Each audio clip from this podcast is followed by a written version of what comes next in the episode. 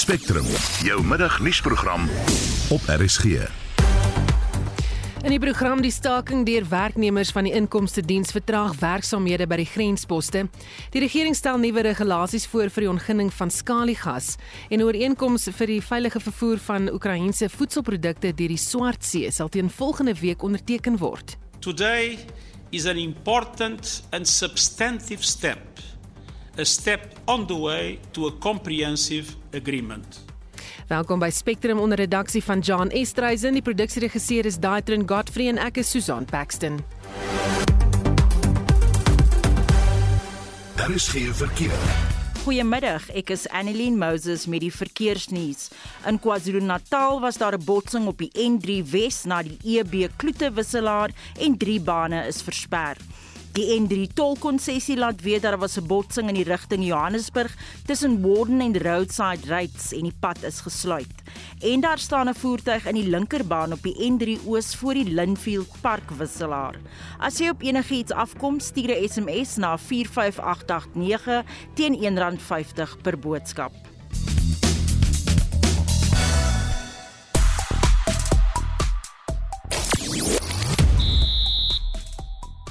En daar is gesport die jong sport die jongste by die 150ste Britse Ope waar Amerikaner Cameron Young op 5 onderbaan sy vir die bo toe invoer. Suid-Afrika se Dean Burmester vaar redelik goed. Hy is 3 houe agter in gesamentlike 9de plek. Banyana Banyana moet vanaand regmaak waar Bafana gefaal het. Ons dames speel vanaand teen Tunesië in die kwart eindstryd van die AFCON kompetisie en die vinnigste man op man op die Afrika vasteland sal nie by die wêreldkampioenskap te sien wees nie weens probleme met sy visum terwyl Wade van Niekerk se kans in die 400 meter in Oregon bietjie van 'n hupstoot ontvang het. 'n Volledige bulletin volg net na 12:30.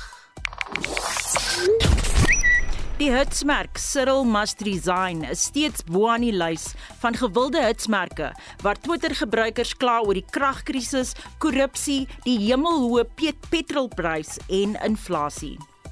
En dan praat almal ook oor die inkomste diens en die inkomste diens moes reeds van sy takke sluit weens die voortsleepende staking deur werknemers. Nou ons vra vir jou vandag watter impak het die staking op jou? Indien jy aanlyn jou belastingopgawe ingedien het, het jy enige probleme ervaar? Vertel vir ons, deel jou mening deur 'n SMS te stuur na 45889 teen R1.50 per boodskap. Jy kan ook saampraat op die Monitor en Spectrum Facebookblad. Jy luister na Spectrum. Elke weekmiddag tussen 12 en 1. Dis in presies 7 minute oor 12 jy luister na Spectrum. Die Suid-Afrikaanse Inkomste Diens gee toe dat die voortsleepende staking deur werknemers sy werksaamhede ernstig ontwrig. Vakbonde wat werkers verteenwoordig, eis 'n 12% salarisverhoging terwyl die werkgewer 1,3% aanbied. Justin Kennerly het meer. SARS is unable for the fact that SARS does not allocate its own funding. It receives funding from Treasury, where we have been totally transparent with union leaders, including the national leadership of both unions, in terms of our funding constraints. And we've been totally transparent with how much money we have available towards once off gratuity payments for the performance last year, plus what we have to allocate towards salary increases. So there's no new or no different story for anyone to suggest, therefore, that we are being unresponsive is mischievous. Die kommissaris van die inkomste diens, Edward Kieswetter, het aan SAIK nuus bevestig dat tientalle takke van die inkomste diens weens die staking moes sluit. Hulle gaan intussen voort om sy werksmodel aan te pas om tred te hou met die moderne era. We will deploy 150 temporary contact center agents to try and bring some relief. We are in the process of bringing on board over the next 12 months 250 additional service consultants, but a new breed of service consultants that is a significant departure from our current. You know, many of our staff who have been there for years, they have become used to the old way of working. And this is a, a message for all employers. We have to take our staff along with us as we modernize our processes and as we work towards a completely different world of work. Intussen veroorsaak die staking erge vertragings by ons grensposte. Vragvervoermaatskappye word veral hard getref. Die vereniging van vragmotorbestuurders se Mary Paddy. Instead of taking a day to cross over, it takes about 2-3 days and it's got a criminal element in it. At the moment the delay that we'll be facing is going to affect on the goods that we are transporting. There are goods that is time limited. For example, the perishable goods, you know, explosives, flammable goods. You cannot afford to stand when there's already congestion of two days, and this situation is adding on another extra three days on top of it because you, you need now to deal with the you know the current congestion that has already been piled up because of the strike. Justin Kennedy, SA Garnis. Groothandelssyfers het in reële terme met 2,8% gedaal in Mei die jaar teenoor Mei verlede jaar. Seisoonaal aangepaste syfers het egter met 3,2% in Mei toegeneem teenoor April. Ons praat oor die en ander ekonomiese sake met Dr. Rolof Botha, die ekonomiese raadgewer van die Optimum Beleggingsgroep. Goeiemôre Rolof. Goeiemôre julle. Kom ons kyk gou na daai groothandelssyfers, hoe het dit vertoon? Wel, ehm um, statistiek is al 'n snaakse manier om uh syfers uit te druk in 'n jaarkoers wat sover ek weet op 'n formule gebaseer is uh wat nie eintlik baie realisties is nie. As mens kyk die my maand groothandelssyfers, ehm um, die totale waarde daarvan in randterme was 260 miljard rand, net bietjie meer. Die uh rekord, die die geskiedkundige hoogtepunt is 2 maande gelede behaal in Maart Toe was dit ook 260, maar dit was 260.6. So is omtrent dieselfde uh, as as daardie uh, rekord. Ehm um, wat fantasties is is 'n 8,8% amper 'n 9% verhoging op dieselfde as mens vat die eerste 5 maande van die jaar teenoor die eerste 5 maande van 2021 is daar 8.8% verhoging. Inflasie in hierdie tydperk was 6,5, so dit gee vir jou 3,3% reële toename in groothandelverkope en hierdie syfer van groothandelverkope, ons praat hier van 'n kwart, meer as 'n kwart van 'n triljoen rand. Hierdie is 'n baie belangrike aanwyser want daar is nie soveel groot rolspelers in die groothandelbedryf nie. Met ander woorde, die statistiek is redelik betroubaar. Andersins as byvoorbeeld 'n konstruksie waar daar so der duisende klein bouers is wat nie uh eers weet dat daar is organisasies so statistiek is aan nie. So dis eintlik uitstekende nuus en dit dit sê vir ons dat ons het stewige ankers om hierdie storms wat om ons saampak op die oomblik met die inflasie en die rentekoerse en dies meer in die brandstofpryse om dit darm 'n bietjie te kan weerstaan vir 'n paar maande. Hmm. Mynbouproduksiesyfers is ook bekend gemaak hoe sake daar gevorder. Wel, uh jy weet ek is bekend as 'n optimistiese ekonom, maar jy weet as die data aan my guns is, uh, wat kan ek nou maak? Ons het 'n nuwe geskiedkundige rekord uh waarde van mynbouproduksie gehad in my maand, 89 miljard rand. Die vorige rekord was ook in Maart. Hy was 83, maar hy is nou gebreek. Uh dit is verbasend hoeveel rekords het het gespat in in die laaste min of meer 12 maande in Suid-Afrika. Ehm um, die uh eerste 5 maande as mens omvat vir die jaar is geheel tot nou toe, uh, staan die verkope van mynbou produksie op 372 miljard. Die vorige rekord verlede jaar was 352. En net 'n interessantheid, as ons vat as ons teruggaan na 2018 die eerste 5 maande, is ons die waarde van ons mynbou uh, produksie in Suid-Afrika nou dubbel. Dit is dubbel nou die eerste 5 maande as wat dit was in 2018 die eerste 5 maande. Dit is amper ongelooflik en hierdie uh hierdie mynbou sektor saam met landbou en mate het ons deur hierdie COVID tydperk gedra. Hmm. Is daar spesifieke edelmetale of sektore binne die mynbou ehm um, jy weet syfers wat jou opgeval het?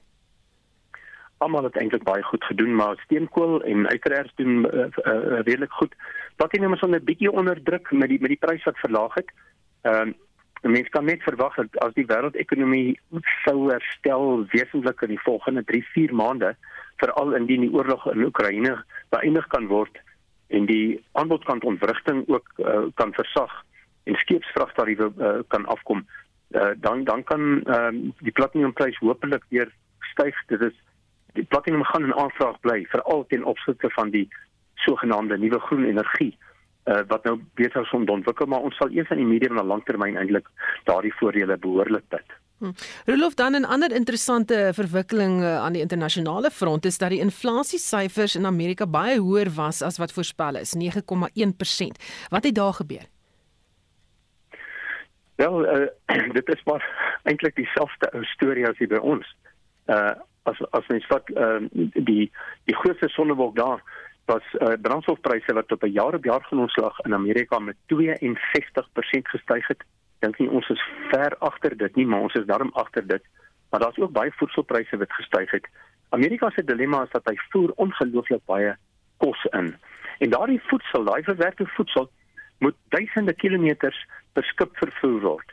En die skeepsvragtariewe het tussen die eerste kwartaal van 2019 en die middel van laas jaar het dit gestyg van 1300 dollar vir 'n uh, vraghouer, hierdie 40 voet vraghouers tot 10000, meer as 10000 dollar. Uh ons het nie naaste by daardie probleem nie want in Suid-Afrika as jy by winkel instap, dan is omtrent al die verwerkte voedsel en en die varsvoedsel kom hierso net so om die hoek. Dis nie ver van jou af as 'n fabriek wat kos maak nie en nie ver van daar af nie as 'n landbouer uh, wat onder geweldige druk uh, verkeer en baie risiko het uh, wat vir ons genoeg kos produseer dat ons 'n reuse uitvoerder van voedsel is. En ek hoop iemand van die departement van landbou en die regering luister vandag. Hulle moet ons moet so dankbaar wees vir die boere van Suid-Afrika. Dit sê vir my die groot vraag van hierdie Amerikaanse of hierdie syfer inflasie syfer daar is wat se impak op ons uiteindelik. Wel ongelukkig sit ons met 'n monetêre beleidskomitee by die Reservebank wat onder die vals indruk verkeer dat die Suid-Afrikaanse ekonomie is net soos die Amerikaanse ekonomie. En as hulle hulle rentekoers opskuif, dan moet ons dit ook doen. Die probleem is egter dat Amerika het vir alle praktiese doeleindes, as jy die natuurlike koers van werkloosheid in ag neem, het hulle geen effektiewe werkloosheid nie. In Suid-Afrika, ek wil nou nie uitbrei oor nie, maar ek dink ons weet hoe lyk werkloosheid in Suid-Afrika. Dit is nie nodig vir ons om rentekoerse op te skuif nie, want ons het nie vraaginflasie nie. Amerika het vraaginflasie en koste druk inflasie. Ons het net koste druk inflasie en hoë rentekoerse kan dit net vererger. Dit kan dit nie verbeter nie. En ek wens hulle wil tot hulle sinne kom. Ja. Baie dankie. Dit was Dr. Rolof Botha, die ekonomiese raadgewer van die Optimum Beleggingsgroep. Die sekretaris-generaal van die Verenigde Nasies, Antonio Guterres, het aangekondig dat daar ooreengekom is op 'n raamwerk vir die veilige vervoer van Oekraïense voedselprodukte vanaf Odessa in die Swartsee. Dit kom nadat uitvoere gestaak is weens die Russiese inval van Oekraïne wat tot wêreldwye paniek oor 'n voedselkrisis gelei het. Die ooreenkoms volg na samesprekings tussen militêre afvaardigings van beide lande in samewerking met die verteenwoordigers van Turkye en die VN. Dit is hoe Guterres die ooreenkoms beskryf het. In a world darkened by global crisis to the at last, we have a ray of hope. A ray of hope to ease human suffering and alleviate hunger around the world. A ray of hope to support developing countries and the most vulnerable people. A ray of hope to bring a measure of much needed stability to the global food system. Since the war started, I have been underlining the importance of having Ukraine's food products and Russian food and fertilizers fully available in world markets. Dit was die sekretaris-generaal van die VN, Antonio Guterres, en vir meer hieroor praat ons nou met professor Antoni van Nieuwkerk van Unisa se Tabo Mbeki Afrika Skool vir Internasionale Betrekkinge. Goeiemôre Antoni. Goeiemôre, Susan. Tegniese besonderhede oor hierdie ooreenkoms moet nog uitgewerk word. Hoe verwag jy sal dit verloop? Sjoe. Ehm um, Ons sien dat begin deur te sê dat ehm um, dat Guterres sy loop uitspreek en hy was baie opgewonde geweest toe hy die aankondiging gemaak het in uh, New York vir die Verenigde Nasies. En ek dink almal hoop saam met hom dat uh, 'n manier gevind kan word om die graan uit te voer. Ehm uh, as as daar net uh, onderskeie sekere omstandighede wat nog bepaal moet word. Byvoorbeeld die Swart See waar die skepe sal moet vaar is 'n swaar bemyn en uh, so dis 'n sekuriteitsrisiko.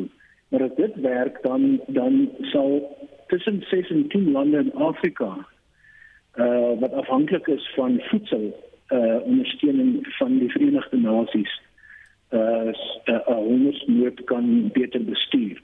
So ons hoop almal saam dat dit gaan uitwerk, maar ek moet vir jou sê dat dit beteken nie dat ehm um, dat daar baie vinnige skietstilstand gaan plaasvind of dat die swart see uh, wat is die teenoorgestelde van bemyn ontmyn word nie of skoongemaak word van van uh, van gevaar nie. en ehm um, dit kan net sowel wees dat die russe uh, die geleentheid gaan gebruik om verdere druk op die weste uit te oefen uh en dalk jy weet as ek nou sies is Susan ehm um, van die geleentheid gebruik maak om geld te maak uit die graan voorrade wat die Oekraïne uh mens kan argumenteer dat Russe by die Oekraïne gesteel het.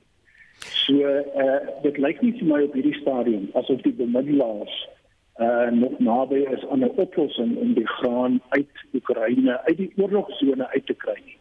Hmm. As Swiss nou op skrif gestel word en almal onderteken, dink jy die Russe sal ooreenkomste oor toegangsroetes vir die veilige vervoer van produkte eerbiedig? Jy sien uh uh die antwoord op jou vraag is of die Russe gaan aanvaar dat NAVO en Oekraïne nie die geleentheid gaan misbruik as hierdie kanaal geskep word vir die skepe om deur te vaar om die graan uh, af te lewer. Uh of hulle nie die geleentheid gaan gebruik om wapens in te voer uh in die suide van Oekraïne waar dit die nodigste is nie. En so die Russe sal oortuig moet word uh met 'n tipe van die, van die ooreenkoms dat uh, dat die situasie nie uh, misbruik gaan word nie. Ek ek twyfel sterk of hulle gaan instem daartoe. Uh, so ek sien nog nie alhoewel uh, Guterres hoopvol is. Dink ek nie die omstandighede uh leende daartoe dat so 'n uh, graan uitvoer maklik gaan plaasvind nie. Ek moet vinnig by sê, dit vind plaas binne in die konteks van 'n oorlog. Ehm um, en dit is nie maklik om 'n skietstilstand te dwing te beding.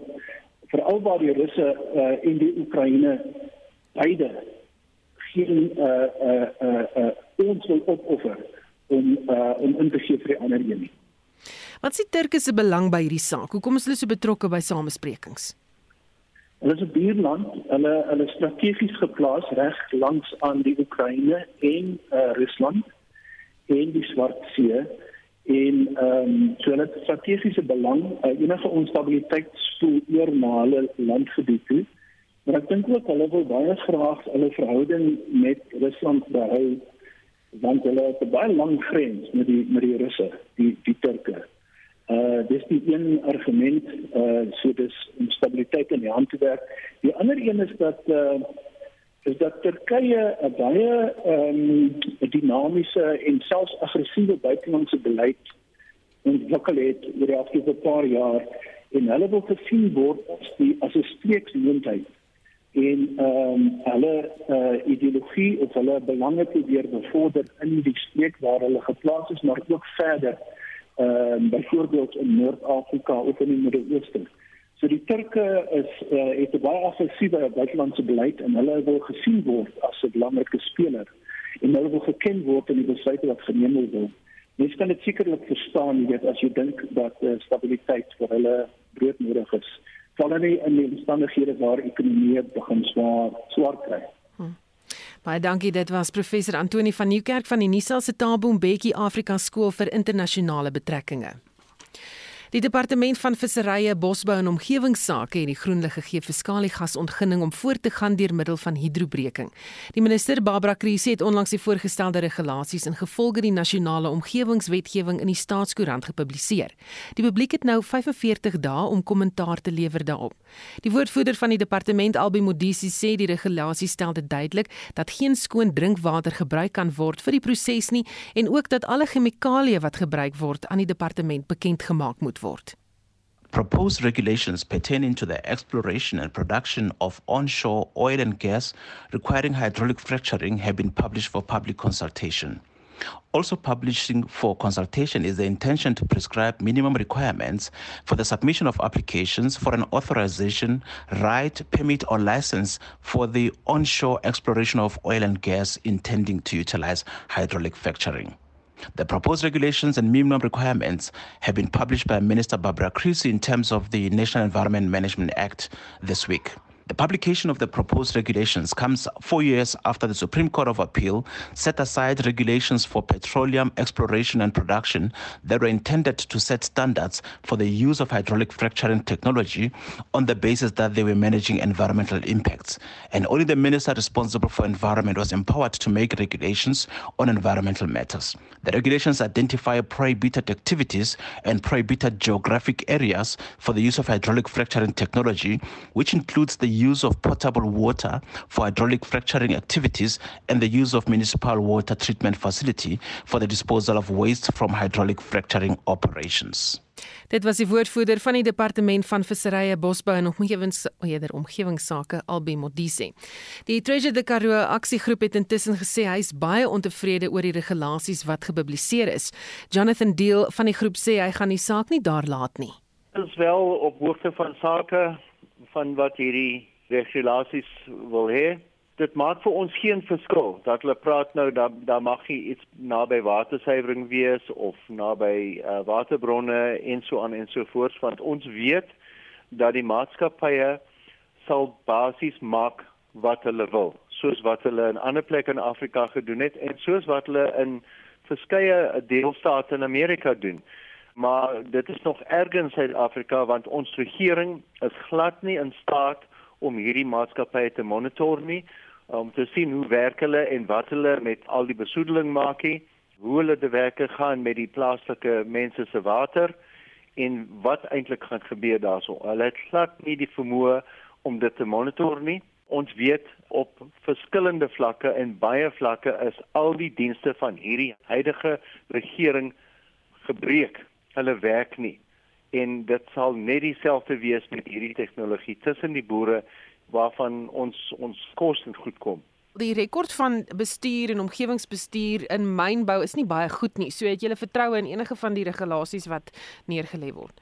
Glad nie. Ek het glad nie vertrou want hulle het nie die vermoë om dit te monitor nie. Daar is net nie die mense en ek is bang soos wat ons in ander gebiede sien en ander streke dat die mense kan afbetaal word. Al is daar mense wat omgee en dit kan doen the corruption is just too great. Dat word net afbetaal in die en hierdie maatskappye en die mense wat dit wil loods ek dink Beaufort West is een ek verstaan Beaufort West is nou onlangs een munisipaliteit waar ek dink die burgemeester is besig om dit te probeer verkoop aan die plaaslike gemeenskap.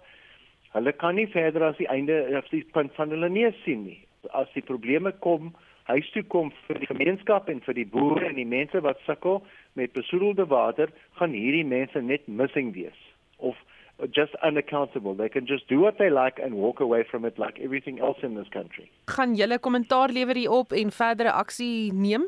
Ja, definitief. Ons is altyd nog in 'n vennootskap met Afriforum hieroor en as dit nie vir Afriforum was nie, sal Treasure the Karoo aksiegroep nog nooit uh, so ver kon gekom het nie want ons het net nie die geld om dit te doen nie. So Afriforum het ons baie ver gevat en ek dink hulle gaan definitief in hierdie ding betrokke raak saam met ons.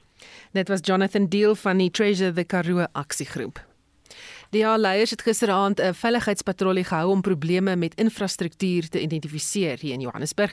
Johannesburg se burgemeester Mpo Palat sê die DA-leier John Steenhuisen in die noordwestelike gebiede van die metro vergesel. MMC Sun and his team have been going around to all the regions in Joburg to have a look at it. I just happened to be up here this evening for this one.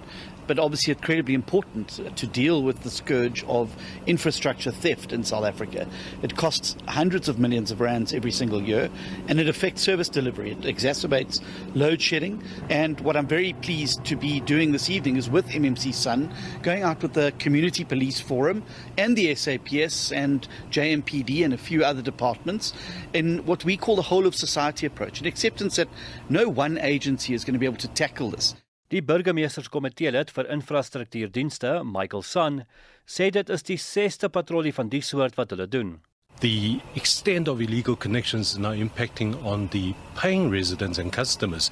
We had recently an operation to disconnect all the illegal connections, only to be threatened that they, if we should do so, that they will cause absolute chaos and absolute power outage for everybody. So that's kind of brazenness we are facing with the criminals and people that are wanting to steal infrastructure, steal electricity, and at the same time, when we have these rolling blackouts, the thieves are only too happy because they now there are extended periods of time where they can go steal cables, they can vandalize our infrastructure. Die Johannesburg Metro wil die stad se ekonomie groei. Steenhuisen sê dit is baie moeilik om te doen as die infrastruktuur vernietig word. It really makes it very difficult to roll out infrastructure to areas that need it when you keep having to replace the same infrastructure in areas where it gets stolen. We also have been granted a debate of urgent public importance in Parliament on the first week when Parliament returns. So I'm hoping the information that we get this evening will be able to feed into that debate where we're going to table solutions about how, as South Africa, we can deal with this attack on critical infrastructure in South Africa. Volgens SAN is dit noodsaaklik dat die gemeenskap saamwerk en enige voorvalle van kabeldiefstal of vandalisme onmiddellik rapporteer. Steenhuisen sê verder dat hulle hul gaan toespits op skrootwerwe wat onwettig handel dryf. Ek is Justin Kennerly vir SI Garnis. Jy luister na Spectrum. Op RSG. In die volgende halfuur minstens 1 persoon is dood in betogings in Colombo, die hoofstad van Sri Lanka, en AfriForum vra motoriste om deel te word van sy hofsaak teen die, die departement van vervoer oor geldigheid van rybewyse. Bly ingeskakel. Daar is geen verkeer. 'n Vrystaatse luisteraar laat weet jy moet jou oë oop hou as jy deur Fourierburg ry want daar is 'n sinkgat in die linkerbaan op pad na Clarence. In Johannesburg staan daar 'n voertuig op die N1 Suid voor 14de Laan en een baan is versper. Daar staan ook 'n voertuig in die linkerbaan op die N3 Suid voor van Burenweg. Die N3 in die rigting na Johannesburg tussen Warden en die Roadside Rates is weer oop na 'n botsing vroeër. En dit was jou verkeersnuus vanmiddag op Spectrum.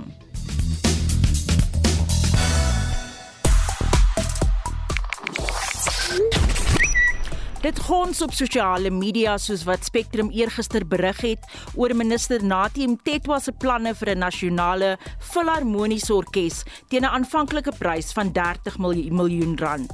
Twitter-gebruikers reageer met skok en woede en eis self sy kop. En dan het ons gevra of uh, die staking by die inkomste diens enigstens 'n invloed het op jou en ek sien op Monitor en Spectrum se Facebook bladsy gesels almal lekker saam. Ehm um, Emil Engela sê geen impak, die takke kan maar sluit. Elna Botha sê nee.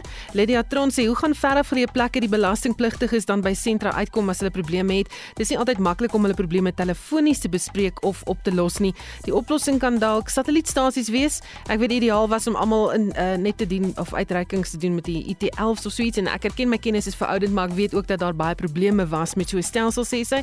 Dan sê Koos van der Merwe uit Sondag ingestuur en vandag my geld gekry. En uh hou op om stakers hulle sin te gee. Ons kan nie meer nie in die toestand wat die land is skrimp die belastingbetalers uh, by die dag.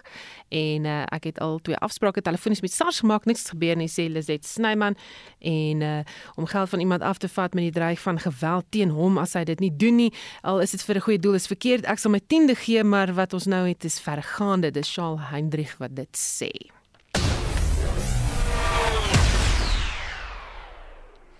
En vir die vir die jongste sportnuus, eh, praat ons nou met Udo Karelse. Goeiemôre Udo. Middag Susan. Ja, die 150ste Britse Ope het vandag by St Andrews begin waar nie minder nie as 12 Suid-Afrikaners in eerste ronde te sien is nie. Wat is die jongste? Maar die jongste is Amerikaner Cameron Young wat voorloop. Hy 6 onder baansyfer, dit nou na 11 bytjies en hy loop voor met 2 uh, houe drie spelers wat op 4 onder staan, maar die storie van die eerste ronde Susan is dit van 21-jarige amateur van Engeland Barkley Brown. Hy het 5 voeltjies aangeteken, het een nou afgestaan op die 10de puitjie en hy sit op 4 onder vir 'n ronde van 68 en dit in sy heel eerste Britse ope. As jy kyk na die Suid-Afrikaners, Dylan Vertel het nou net mooi opgeskuif op die eh, bord. Hy's nou 2 onder baansyfer na 3 puitjies, so 'n volk op die eerste, volk op die derde en hy sit in gesamentlike 11de posisie. Dan in gesamentlike 19de posisie is Dean Burmester Forster en Ernie Els wat op 1 onderbaansyfer sit. Dan 'n groot aand lê voor vir Banyana Banyana na gisteraand se teleurstelling vir Bafana Bafana. Ja, ons man sokker span is gisteraand uitgeskakel in die Kusafa beker teen Mosambiek danksy strafdoele en sal nou in die verloders semifinaal te staan kom teen Botswana. Die wedstryd van môre aan plaas by die Sugar Ray Kulu Stadion in KZN. Ons dames het wel 'n kans om deur te dring na die semifinaal van die top sokker kompetisie op die vasteland, die AFCON kompetisie. Desiree Ellis se span meet kragte met Tunesië. Die wedstryd vind 10 uur vanaand plaas. Die wenner sal dan teen Zambië speel in die eerste semifinaal. Die dag se ander wedstryd, 'n kragmeting tussen die verdedigende kampioene Nigerië en Kameroen. Die wenner daar sal te staan kom teen Marokko in die tweede semifinaal van die kompetisie. In cricket het ons mans Protea span ook 'n kans om Dinsdag se vernedering te oorkom. Maar ons hoop dit sal die geval wees. Ons man het Dinsdag 318 lopies soos aan aangeteken en nog steeds met 6 paadjies verloor waar daar nog 12 bilbeerte oorgebly het in die Engelse Lions. Die eh, tweede opwarmings eendag wedstryd vind half 5 vanmiddag plaas in Worcester in Engeland. Daar is heelwat uh, skakels beskikbaar om die wedstryd aanlyn uh, te kyk. Tik net Protea warm-up match England Lions, dan sal jy hom vind want hy's nie op die televisie te sien nie. In die tussentyd het die waarnemende hoofuitvoerende beampte by KSA in 'n onderhoud met Sport24 gesê die finansiële verknorsing waarin die organisasie tans verkeer, het dit genoodsaak om voorkeur te gee aan hul splinternuwe T20 kompetisie oor die eendag reeks teen Australië waarvan ons gister gepraat het wat nou Suid-Afrika se kans om outomaties te kwalifiseer vir volgende jaar se Wêreldbeker in gedrang plaas. Dit mag maar wel die geval wees en dis 'n jammerte, maar ek hoop tog die T20 kompetisie wat volgende Januarie plaasvind wel 'n geldmaker gaan wees want ons weet nog steeds nie wat die naam van die toernooi is of wie die groot borgers gaan wees nie. En ons sluit ons af met atletiek nuus op die vooraand van die Wêreldkampioenskap wat môre in Portland, Oregon begin. Dis reg ja, en die groot nuus vandag is dat die vinnigste man in Afrika nie sal kompeteer nie, Ferdinand Omanyala van Kenia, uh wat hierdie seisoen die wêreld se derde vinnigste tyd in die 100 meter naloop opgestel het van 9.85 sekondes, kon nie betyds 'n visum kry om Amerika toe te reis nie en het lydensberigte reeds hoop opgegee dat hy wel by die wêreldkampioenskap sal kan deelneem omdat die uitdinne vir die 100 meter reeds op dag 1 môre van die wêreldkampioenskap plaasvind. Ons eie Wade van Niekerk se kans om 'n medalje te verower in die 400 meter het wel 'n bietjie van 'n hupstoot ontvang danksy die onttrekking van die Olimpiese kampioen Steven Gardner weens 'n besering. Die 26-jarige atleet van die Bahamas het sedert 2017 nie een wet wedloop verloor nie. So die hele 400 meter veld het nou seker al 'n sig van verligting geslaan. Hoe dit ons gesels nou so lekker dat jy nie dalk iets oor pleinbal nie. Ehm um, kom ek dink. nee. Baie dankie, dit was Udo Karlse met die sportnuus. Spectrum, jou middagnuusprogram op RSG. Dis nou 12:37. Die burgerregte organisasie AfriForum sê meer as 40000 boetes is uitgereik aan motoriste wat sonder 'n geldige rybewys ry. Die organisasie het reeds in Mei met 'n hofsaak begin om wetgewing wat vereis dat die lisensie elke 5 jaar hernu word ongrondwetlik te laat verklaar. AfriForum se veldtogbeampte vir strategie en inhoud, Rainer Dievenaar gesê, mense wat beboet is, is welkom om hulle te kontak omdat dit hulle saak teen die departement sal versterk dit rus op regsgronde en op praktiese gronde. Die regsgronde is dat die bepalinge van die nasionale padverkeerswet self sê dat bestuurslisensies onbeperk geldig is. So dit is nou die wet self sê dit. Dan het die minister sy bevoegdheid gebruik om regulasies af te vaardig wat dan bepaal dat bestuurslisensie kaartjies elke 5 jaar hernu moet word. Ons sê dus dat uh, die minister nie die bevoegdheid het om hierdie regulasies af te vaardig nie en dat die wet self die oorhand moet geniet want die wet self stipuleer slegs 'n bestuurslisensie wat permanent geldig is. So, dus as gevolg van hierdie teenstrydigheid in die wetgewing is enige straf onwettig en eh, ongrondwetlik. So dit is die regsgronde vir ons aansoek. Dan is ook praktiese gronde, Susan. Ons weet dat die toestand van algehele verval by die departement van vervoer dit prakties onmoontlik maak vir mense om hulle lisensies te hernie. So in daai geval is dit irrasioneel, eh, wel met dit in ag genome is dit irrasioneel om van mense te verwag om hulle lisensies elke 5 jaar te hernie. En in die derde plek sê ons ook dat baie ander lande baie langer tydperke toelaat tussen die hernuwing van lisensies, byvoorbeeld 10, 15 jaar, en party lande het uh, lisensies wat uh, vir ewig of onbeperk geldig is ook. Dit is 'n interessante, hoe kan ek sê, skuivergat wat jy gevind het dat die wet nie regtig spesifiek voorsiening maak vir die hernuwing van 'n lisensie of vir jou beveel om dit te doen nie en of dat daar 'n uh, enige straf of boete opgelê moet word of kan word volgens die wet nie. Presies, Susan, ja, dit is ehm um, dit is 'n regsleemte wat ons gevind het want die rede hoekom ons dit gedoen het is omdat ons soveel klagtes van ons meer as 300 000 lede kry wat uh, maandeliks doneer en van ook maar ook van mense van die van die algemene publiek wat uh, wat vir ons klagtes ingestuur het en ons gevra het ons sukkel om lisensies te hernie, kan julle ons asseblief help? en daarom het ons ons regspan nou opdrag gegee om vir ons te help om 'n oplossing te kry vir hierdie probleem. En dit is eintlik 'n verstommende argument wat hulle geformuleer het en dit is 'n verstommende regsleemte wat hulle geïdentifiseer het. Maar dit beteken nou natuurlik nie jy moet nou ewe skielik nie meer lisensie gaan hernie nie. O, ons sê glad nie dit vir mense nie. Ons sê op die oomblik is die reëls wat die reëls is. Uh, mense moet nou die reëls volg wat dit is en ons hoop nou natuurlik dat indien ons aansoek slaag, indien ons hofsaak slaag, dat mense nie meer dan aan hierdie vereiste gaan moet uh, voldoen nie.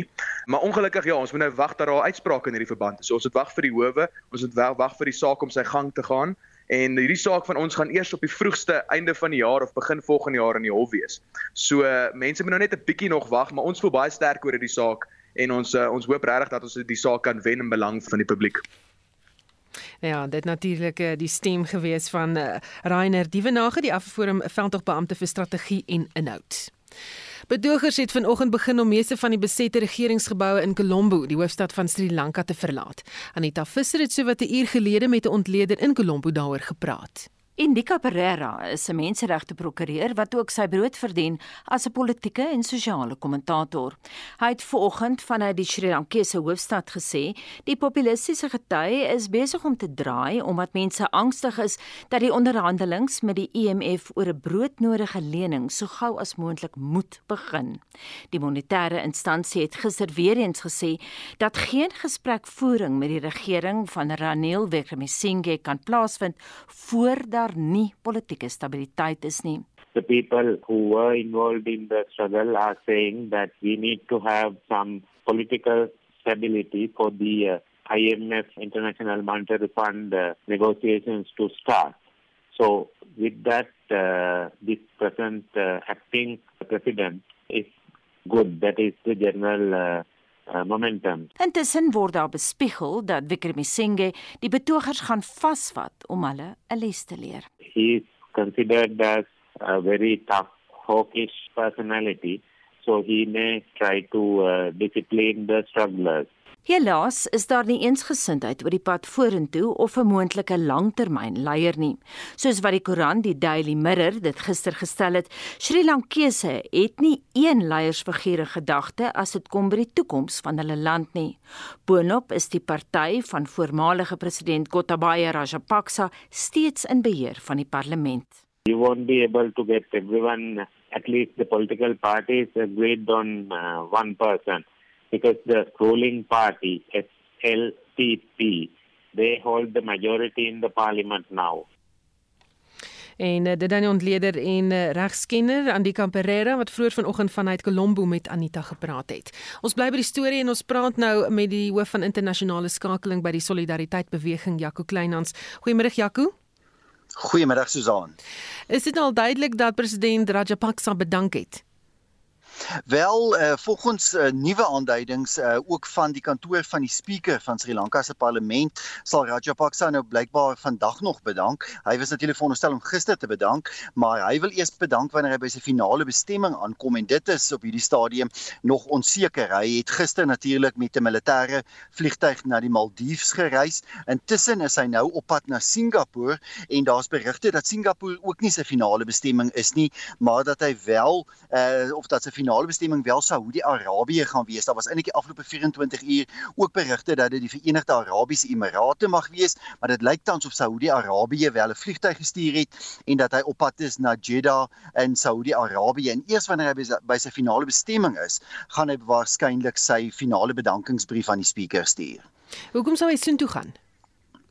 Ja, dis eintlik vreemd nou. Dit is 'n 'n vreemde verskynsel. Ek dink Rajapaksa het het na verskillende opsies gekyk. Daar's verskeie lande in in in Suidoos-Asië, ook lande in die Midde-Ooste wat hy oorweeg het om om heen te vlug. Natuurlik is hy bang vir vervolging. Daar is baie klagtes oor menseregte vergrype teen Rajapaksa. So hy wou natuurlik eers uit uh, Sri Lanka gevlug het voordat hy uh, sy bedanking ingedien het uh, sodat hy nie vervolg kan word nie. Maar uh, een ding waarvan hy onder andere beskuldig word is die onderdrukking onderdrukking van Sri Lanka se moslim minderheid. Uh en in daardie opsig is daar baie kritiek tans teen moslimlande soos Saudi-Arabië en die Verenigde Arabiese Emirate dat hulle enigstens hom wil akkommodeer. Uh presies watter onderhandelinge daar plaasgevind het, weet 'n mens nie. Ek dink wat wel duidelik is is dat daar 'n hele klompie lande in Asië is wat baie sien die agter geraak oor die situasie in Sri Lanka en dat hulle eintlik maar 'n soort van onderhandelde skikking wil hê en dat een deel van daardie skikking natuurlik dan nou uh, die reg sal wees vir Rajapaksa om in 'n ander land uh, homself te gaan huisves en dat daar waarskynlik agter die skerms uh, onderhandelinge daaroor ook plaasgevind het. Wat is die magte van die premier as waarnemende president en vir hoe lank kan hy nog die pos beklee? Ja, dit is natuurlik op hierdie stadium 'n baie ingewikkelde situasie want ehm um, gister met 'n tydstip op 'n tydstip het mense nie eintlik geweet wie is regtig in beheer van Sri Lanka nie. Tweede het aan die lig gekom dat president Rajapaksa die eerste minister Ranil ehm, Wickremesinghe ehm um, eintlik aangestel het tydelik as president omdat hy wat Rajapaksa is see is. Tipies wat 'n president sou doen wanneer hy see sou reis ehm um, en iemand anders dan eenvoudig net sy pligte sal uitvoer. So op die oomblik is die eerste minister minister waarnemend in die posisie as president um, terwyl die president in die buiteland is. Eers as die president uh, bedank sal die eerste minister dan nou kan uh, op 'n ander basis basies waarneem as president, maar druk neem ook toe op die eerste minister om te bedank. Ons weet dat sy kantoor gister bestorm is uh, en dat betogers in Sri Lanka aandring daarop dat hy ook moet bedank. So sy posisie op die oomblik is onseker en ek dink indien hy sou probeer vasbyt en besluit om nie te bedank nie, kan hierdie krisis krisis verder verdiep. Sou hy wel bedank, gaan dit alles natuurlik oorskuif na die kantoor van die spreker, die spreker van die parlement. Hy sal tydelik moet waarneem en dan sal die parlement 'n proses in werking moet stel om 'n nuwe president en 'n nuwe eerste minister aan te wys. Nou afgesien van die sekretaris-generaal van die VN, Antonio Guterres se reaksie, kom daar nog internasionale druk soos byvoorbeeld toe dinge in Oekraïne verkeerd gegaan het?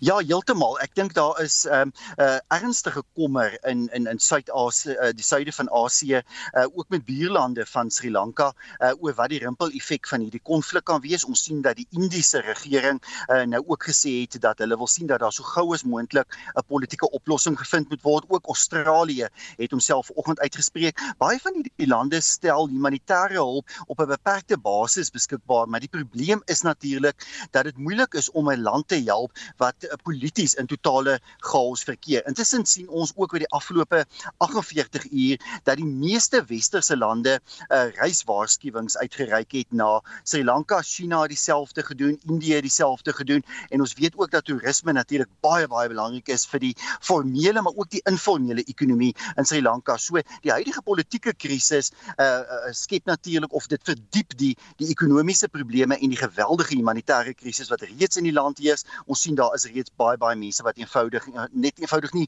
voedsel het nie, hulle het nie medisyne nie, hulle het nie elektrisiteit nie, hulle het nie brandstof nie. So, uh hoe langer dit voortduur sal die krisis net aanhou verdiep. Baie dankie, dit was Jaco Kleinhans, die hoof van internasionale skakeling by die Solidariteitsbeweging. In sy dokumentêr Diensplig wat vanaand om 8uur op RSG uitgesaai word, praat Jody Hendriks met drie Suid-Afrikaners oor hul ervaring oor hulle dienspligjare in die weermag, die goed en die sleg daarvan. Een van sy gaste is professor Abel Estreise van die Departement Strate eh, Strategie Studies by die Universiteit Stellenbosch. Goeiemôre Abel. Goeiemôre Susan. Jy neem deel aan hierdie dokumentêr. Jy het onder meer gepraat oor uh, hoekom moes die meeste jong wit seuns na skool gaan diensplig doen. So nou vra ek dit ook vir jou, hoekom? Wel, ek dink dis maar die strategiese realiteite wat die land op daardie stadium in die gesig gestaar het. Jy weet, 'n mens moet dit sien teen die agtergrond van ek dink die drie konflikte wat Suid-Afrika uh, daardie op daardie stadium in betrokke was. Jy weet, daar was die Koue Oorlog ehm um, en ons betrokkeheid na Angola teen die agtergrond van die Koue Oorlog. Daar was die dekolonisasie oorlog in Afrika en Namibië se onafhanklikheid was 'n tipiese dekolonisasie oorlog. En dan natuurlik binneland was daar die stryd teen apartheid en ehm um, as jy na al hierdie drie konflikte kyk dan was daar maar 'n strategiese behoefte om 'n goeie militêre mag op die been te bring en te hou. Hmm. Maar wat van ander rasse in die land? Ja, mens uh, dink altyd dat dit net die die blankes was wat diensplig gedoen het, maar jy vergeet in die proses dat daar inderdaad uh, baie van ons tweelingbevolking groot deel daarvan ook diensplig gedoen het en aangemeld het vir diensplig vrywillig en dat daar inderdaad ook uh van ons uh, swart ehm um, landgenote was wat ook diensplig gedoen het en wat ook aan vrywillig aangemeld het vir vir diensplig. Jy het uh, ook gepraat oor die indoktrinering van hierdie jong seuns. Ja, 'n mens moet versigtig wees om die woord indoktrinasie te gebruik, maar jy kan ook nie wegbeweeg van die feit af dat weermag doktrine gebruik om mense op te lei nie. En as jy doktrine gebruik om mense op te lei, dan uh, is die volgende woord uh, half logies om na indoktrinasie te kyk, maar uh, 'n mens moet baie versigtig wees hier dat jy nie noodwendig van politieke indoktrinasie praat nie, maar meer indoktrinasie om gewoontes aan te leer en om ehm um, mense op te lei in 'n bepaalde ehm um, militêre doktrine. Maar ja, daar dit was 'n interessante periode waar 'n klomp ehm um, uh, ek wil opsê doktrines bymekaar gekom het om inderdaad tot 'n mate toe 'n indoktrinasie realiteit uh, te skep waarbinne hierdie mense opgelei is. Hmm. Nou baie lede beskryf hulle dienspligtydperk as die beste van hulle lewe, maar daar is ook tog 'n hele paar wat dit nie wou doen nie en jare later steeds met die gevolge worstel. Hoekom nou daaroor praat?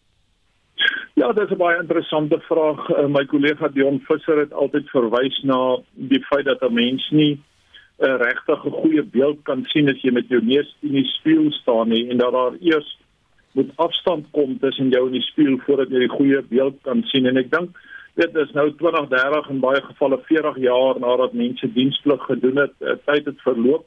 En ehm uh, dit is tyd om te reflekteer uh vir baie mense. Die meeste wat diensplig gedoen het is nou uh 5 of uh, oor die 50 jaar oud. En dis mense wat reflekterend omgaan met hulle lewe op die oomblik en wat dink oor hulle hulle tyd in die weermag en ehm um, die mate waartoe dit positief en negatief uitgespeel het in hulle lewens. Baie dankie dit was professor Abel Estreise van die departement strategiese studies by die Universiteit Stellenbosch. Jody Hendrik se dokumentêr Diensplig word vanaand om 8uur uitgesaai. Moenie dit misloop nie. Koup gaan strafregtelike klagte indien teen diegene wat in die Sondekommissie se verslag na staatskaping geïmpliseer word. Die woordvoerder van Koup Dennis Bloem het met Annelien Moses gepraat.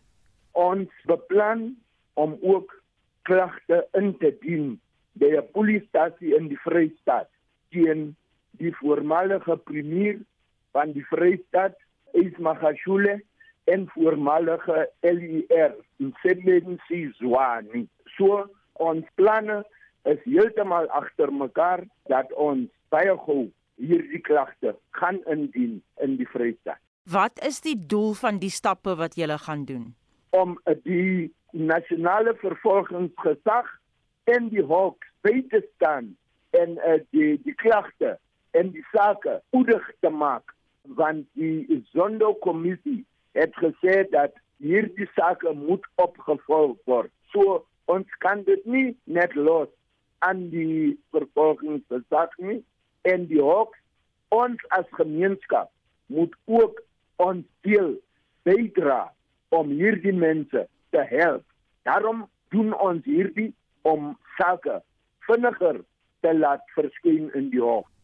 Dit was die woordvoerder van Kaap Dennis Bloem en hy het met Annelien Moses gepraat. Die EFF het EFF het pas sy planne uiteengesit om president Cyril Ramaphosa uit sy ampt te verwyder. Justin Kennerly hou dit en ander nuus dop. Justin. Ja, kom ons luister na die EFF se leier Julius Malema. The EFF will approach the courts of South Africa to compel the South African Reserve Bank, the South African Revenue Services, the Financial Intelligence Center and Ramaphosa to honestly answer to all the questions we've sent to them. The EFF will approach the courts of South Africa to compel Parliament to conduct a thorough and transparent investigation of all the crimes committed by Cyril Ramaphosa with the aim of building a solid case of an impeachment. The EFF will approach all political parties in Parliament, including the ANC, to engage on a motion of no confidence against Cyril Ramaphosa as a President of South Africa. En indien jy die nuus gemis het, die departement van visserye, bosbou en omgewingsake het die groen lig gegee vir skaliegasontginning om voort te gaan deur middel van hidrobreking. Nou die Treasure de la Karoo Aksie groep se Jonathan Deel gaan egter die saak nie daar laat nie.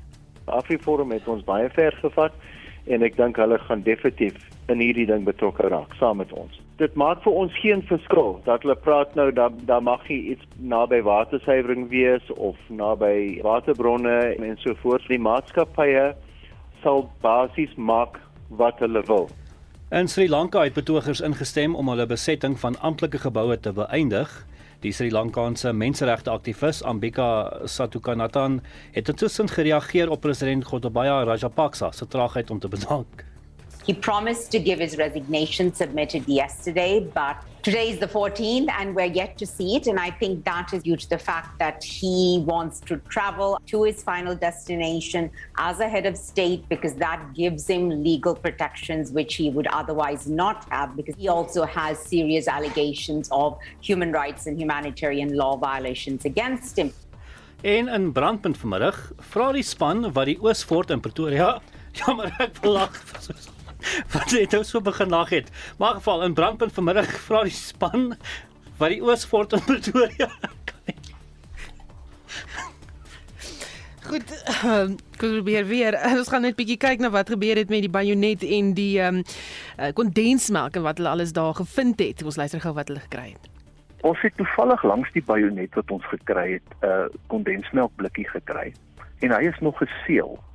So mense kan nou sit en wonder of die ou dalk die kondensmelk wou eet en toe begin die vyand op hulle skiet en toe moet hy skielik hardloop en toe vergeet hy van sy kondensmelk. Ek het al op baie aangeboorde oorlogterreine kondensmelk blikkies gekry en ek het op een terrein in die Kruger Wildtuin het ek wel 'n visblikkie gekry wat nog geseël was met sy etiket op. Nou ja, die skakel in op brandpunt vanmiddag kwart voor 6 om te hoor wat nog ontdek is en onthou Jade Hendrik se dokumentêr Diensplig word vanaand om 8uur op RSG uitgesaai.